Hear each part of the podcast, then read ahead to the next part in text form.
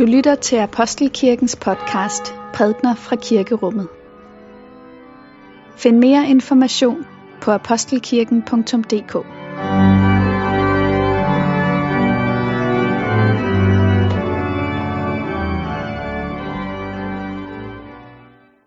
Det er i dag 23. søndag efter Trinitatis.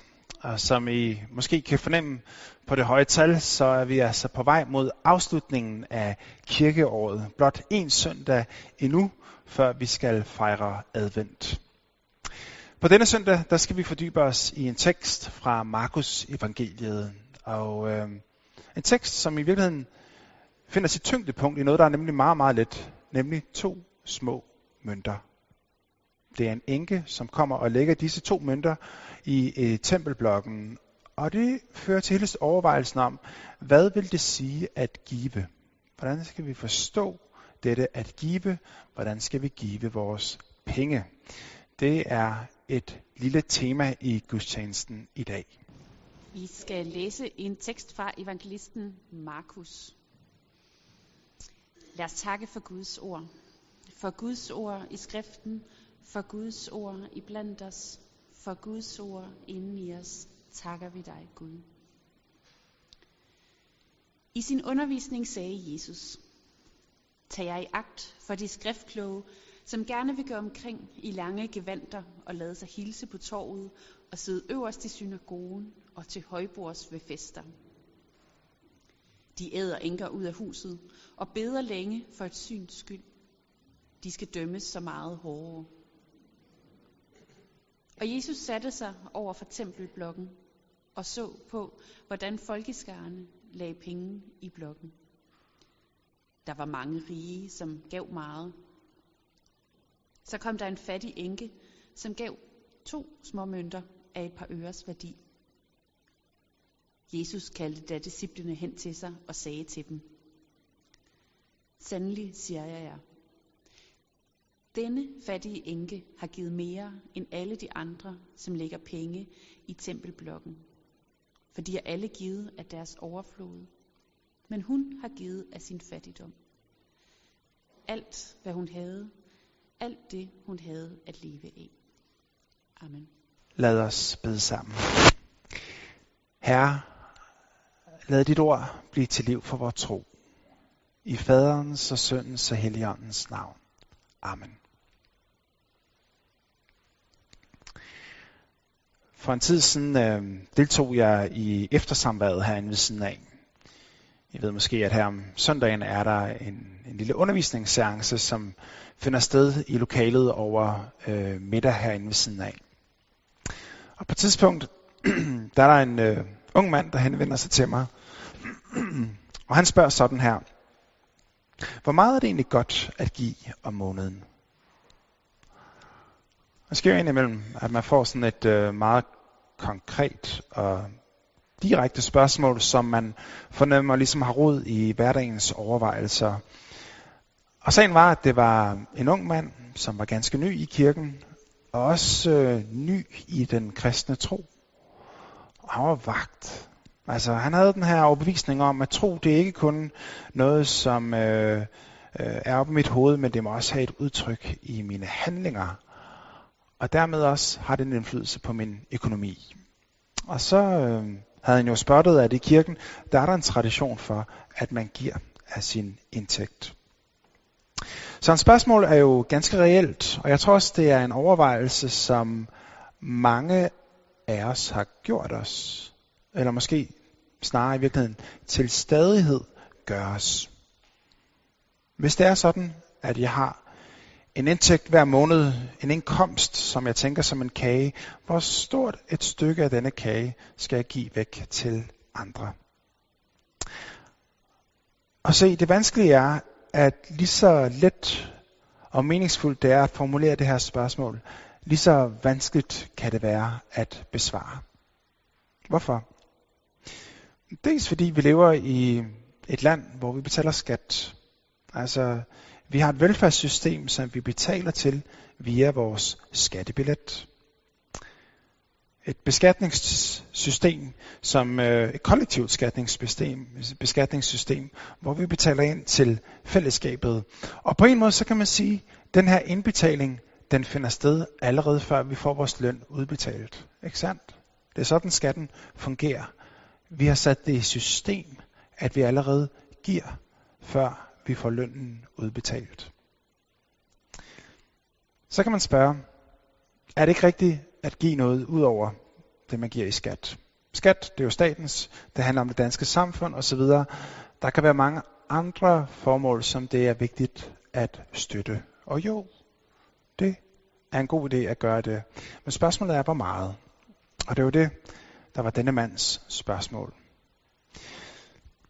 Nogle betaler tiende. Den her gammeltestamentlige tradition for, hvor man giver 10% af sin indkomst. Det har man også gjort op igennem i kirkens historie her i Danmark. Egentlig en vældig, vældig fin ting. Men sagen er, at Jesus, han besvarer ikke det her spørgsmål konkret. Han nævner ikke et beløb, eller sætter ikke en procentsats, som det er rigtigt at give. I stedet for at besvare det så konkret, så er det som om, at han tager sine tilhører dybere ned. Ned i hele spørgsmålet om, hvad vil det egentlig sige at give? Og der, og det er der, vi kommer i dagens tekst, der løfter han en pegefinger. Han siger, at der er en far her, I skal være opmærksom på. Han giver os en advarsel, samtidig med, at han viser os igennem den fattige enke, at selv det mindste kan have en uhyr stor betydning. Jesus han sidder jo ved tempelblokken i dagens tekst. Tempelblokken, det var den her indsamlingsstation, der var ude ved templets forgård, og hvor folk kom og lagde penge i, som altså gik til selve tempelinstitutionen. Og i den forstand, så er der egentlig kun givere i dagens tekst. Penge er penge. Penges værdi afgøres jo ikke af, hvis hænder de er i. Men det er altså som om, Jesus ikke kun ser på de enkelte beløb, der blev lagt ned i skålen der, men han ser også på selve giverne. Og den her observation, den her episode med observationen, som vi læser om i dag, den kommer på bagkant af, at Jesus han op igennem flere dage har været i nogle voldsomme sammenstød med de skriftlærte. Han har gjort det klart for dem, at de giver sig af med hykleri. At øh, igen og igen, så, øh, så handler de ikke i overensstemmelse med deres øh, indre øh, overbevisning. Han, og vi hørte det jo helt i starten, han fortæller om, hvordan at de hele tiden går rundt i deres fine klæder. De går rundt ude i byen, og de øh, ligesom lader sig modtage af folks yndest, få folks respekt. De forpasser heller aldrig chancen for at øh, blive set i forbindelse med højtiderne. Med andre ord, så finder de altid en plads at få folks opmærksomhed på. De finder altid en måde ligesom at tage sig godt ud i folks øjne. De er mestre i selviscenesættelsen. Selviscenesættelse. Det siges, at den store amerikanske skuespiller Robert Redford, han en dag stod og ventede i en hotellobby. Han stod og ventede ved en elevator. Og så på et tidspunkt, så er der en anden hotelgæst, som går hen til ham og lidt forlegent spørger ham, undskyld mig, men altså, er du den rigtige Robert Redford? Og så tiger han et øjeblik, og så kigger han ned, og så siger han, jeg er kun den rigtige Robert Redford, når jeg er alene. Se, der ligger en form for stor selvindsigt i at svare på den måde. Manden, han er en skuespiller. Han er en af de allerstørste skuespillere, der findes på det her tidspunkt. Og samtidig så er han så bevidst om, at der på en måde er to former for skuespil. Der er den form for skuespil, som er det, han får sine penge for. Det, der foregår foran kameraet. Den anden form for skuespil, den følger ikke noget manuskript. Og dog, så er han en del af det hele tiden. Bevidst eller ubevidst, så stiller han sig til skue over for andre, altså med undtagelse, når der ikke er nogen i hans nærhed. Han må kende, at der altid er en del af ham, der, der ser sig selv udefra. At han altid er så bevidst om, hvordan han tager sig ud i andre folks øjne. Det er denne opmærksomhedssyge, som Jesus han advarer mod i dagens tekst. Det er denne opmærksomhedssyge, som på en måde altid er den blinde passager, når det handler om at give. For vi ved godt, at at give, det er ikke bare at give. Der er så lidt alle de her udtalte mellemregninger, som kan høre sig til. Man kan have en masse skjulte forventninger eller forhåbninger, når man giver. På en sådan måde, at når man står der ved tempelblokken, eller ved indsamlingsbøssen, eller hvor end vi måtte give vores penge, ja, så kan det se ud som om, man står der egentlig for at give. Men i virkeligheden, så står man der for at tage. For at modtage. Folks opmærksomhed, respekt, anerkendelse osv. Og hvis det ikke er for de andre, man kan få det, så er det det mindste for sig selv. Tag jer i agt for selv i scenesættelsen, siger Jesus. Så kommer der en, som vi forstår er ganske anderledes, nemlig den fattige enke. Og hun kommer og lægger to mønter ned i tempelblokken. Det her bidrag, det vil være stort set værdiløst, hvis man gør det op i kroner og øre. Og dog siger Jesus, at denne kvinde har givet mere end alle andre, fordi hun giver ud af sin fattigdom, mens andre giver af deres overflod. Og spørgsmålet er, hvordan kan det, som har så lille værdi, alligevel have så stor betydning? Den seneste uge, i det jeg er gået og arbejdet med den her tekst, så er jeg blevet mindet om en oplevelse, jeg havde for en del år siden. Um, jeg rejste med en kammerat ned igennem Østafrika for snart 20 år siden, og på et tidspunkt så kommer vi til Uganda det her smukke land. Vi kom nærmere bestemt til landets hovedstad Kampala, og der fik vi lov til at øh, bo hos en dansk kontakt. På et tidspunkt så spørger han os, om vi ikke har lyst til at tage med ham øh, til gudstjeneste næste dag. Og vi siger, jo, vi tager afsted, befinder os snart i et stort auditorium med en masse stole, og nede foran en scene, hvor der var et stort kors helt centralt. Og som vi sætter os der, så bliver vi klar over, at vi ikke er de eneste vesterlændinge, der er der. Der er andre. Der er sådan en god blanding af både lidt internationale folk, nogle lokale folk. Og man fornemmede også, at øh, selvom alle sammen tog deres fineste tøj på, så havde man også den her fornemmelse af, at der alligevel var ret stor forskel på, hvor mange ressourcer folk havde at gøre godt med. Så går gudstjenesten i gang.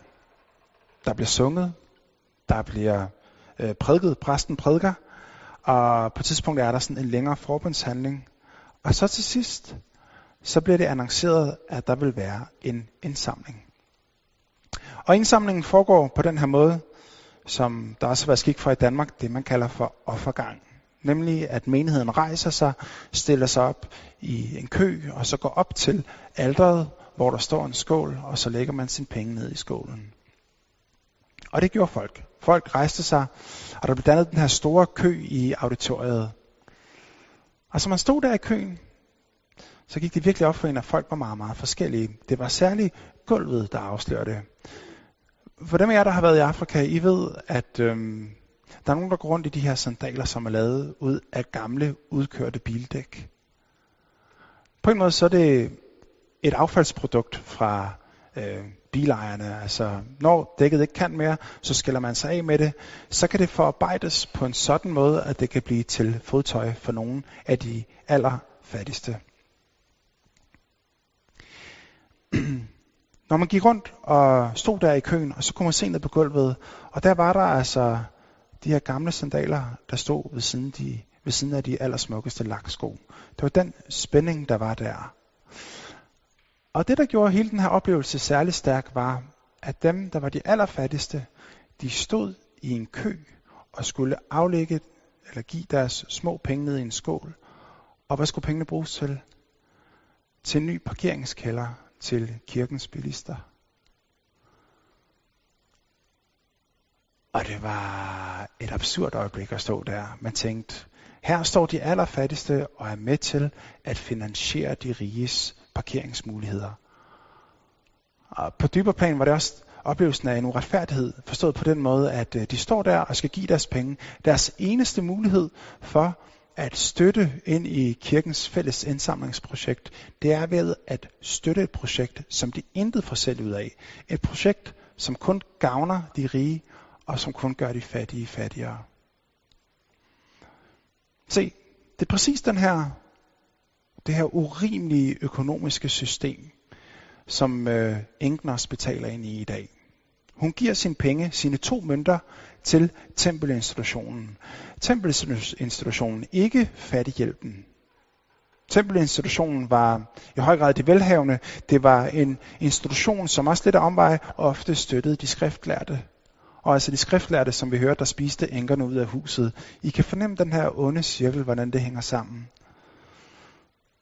Og hvis man går efter det her princip, som hedder følg pengene, det er det, journalisterne gør nogle gange. Hvor havner pengene henne? Hvem er det, der får noget ud af det her?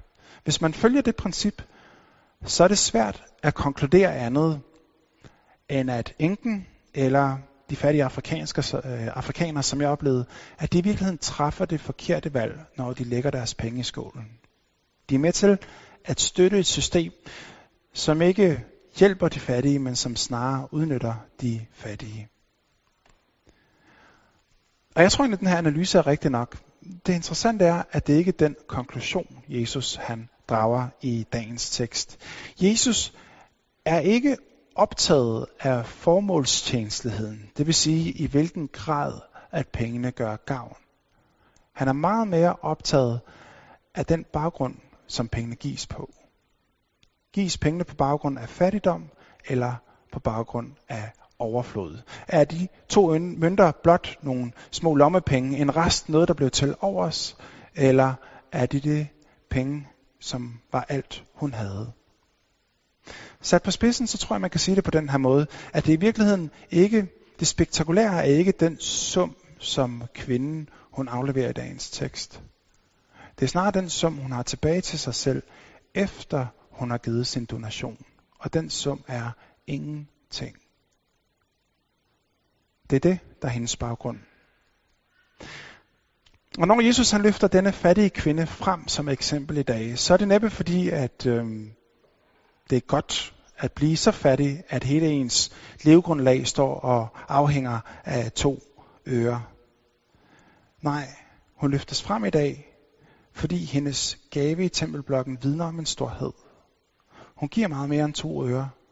Hun giver noget af sig selv. Hun er ikke adskilt fra sin gave. Gaven rummer hende. Lidt på tilsvarende vis, som det var der den dag i Afrika, hvor vi stod der i rakken. Når jeg tænker tilbage på det, så er sandheden den, at langt de fleste af os, vi gav et bidrag. Men der var nogle få enkelte, nemlig dem med sandalerne, der gav et offer den dag. De gav noget af sig selv, og men det var til et højst tvivlsomt formål.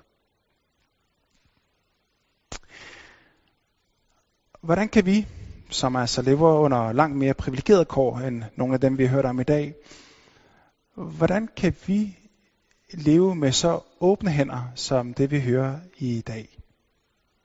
Hvordan kan vi efterleve enkens eksempel? Hvis vi tager det her med at give, altså hvor meget skal man give, det her spørgsmål, som var det oprindelige spørgsmål, så C.S. Lewis, den her britiske forfatter, han formulerer på et tidspunkt et svar på det spørgsmål her, ud fra denne søndags tekst. Og det lyder sådan her. Han siger, jeg tror, det er, stå, det, det er svært at stå fast, hvor meget vi skal give. Men jeg er bange for, at den eneste faste regel er, at vi skal give mere, end vi kan undvære. Med andre ord fortsætter han, hvis vores udgifter til komfort, til fornøjelser og den slags, hvis det ligger på samme niveau som dem, som vi deler lønniveau med, så giver vi sandsynligvis for lidt. Hvis vores støtte til at hjælpe andre ikke rigtig har nogen begrænsninger for os, så giver vi sandsynligvis for lidt. Der må være ting, som vi har lyst til at gøre, men som vi må afstå fra at gøre, fordi vi har valgt at støtte andre, som har brug for hjælp. Sådan formulerer han det. Og bemærk, det handler altså ikke om at øhm, dele enkens livsvilkår.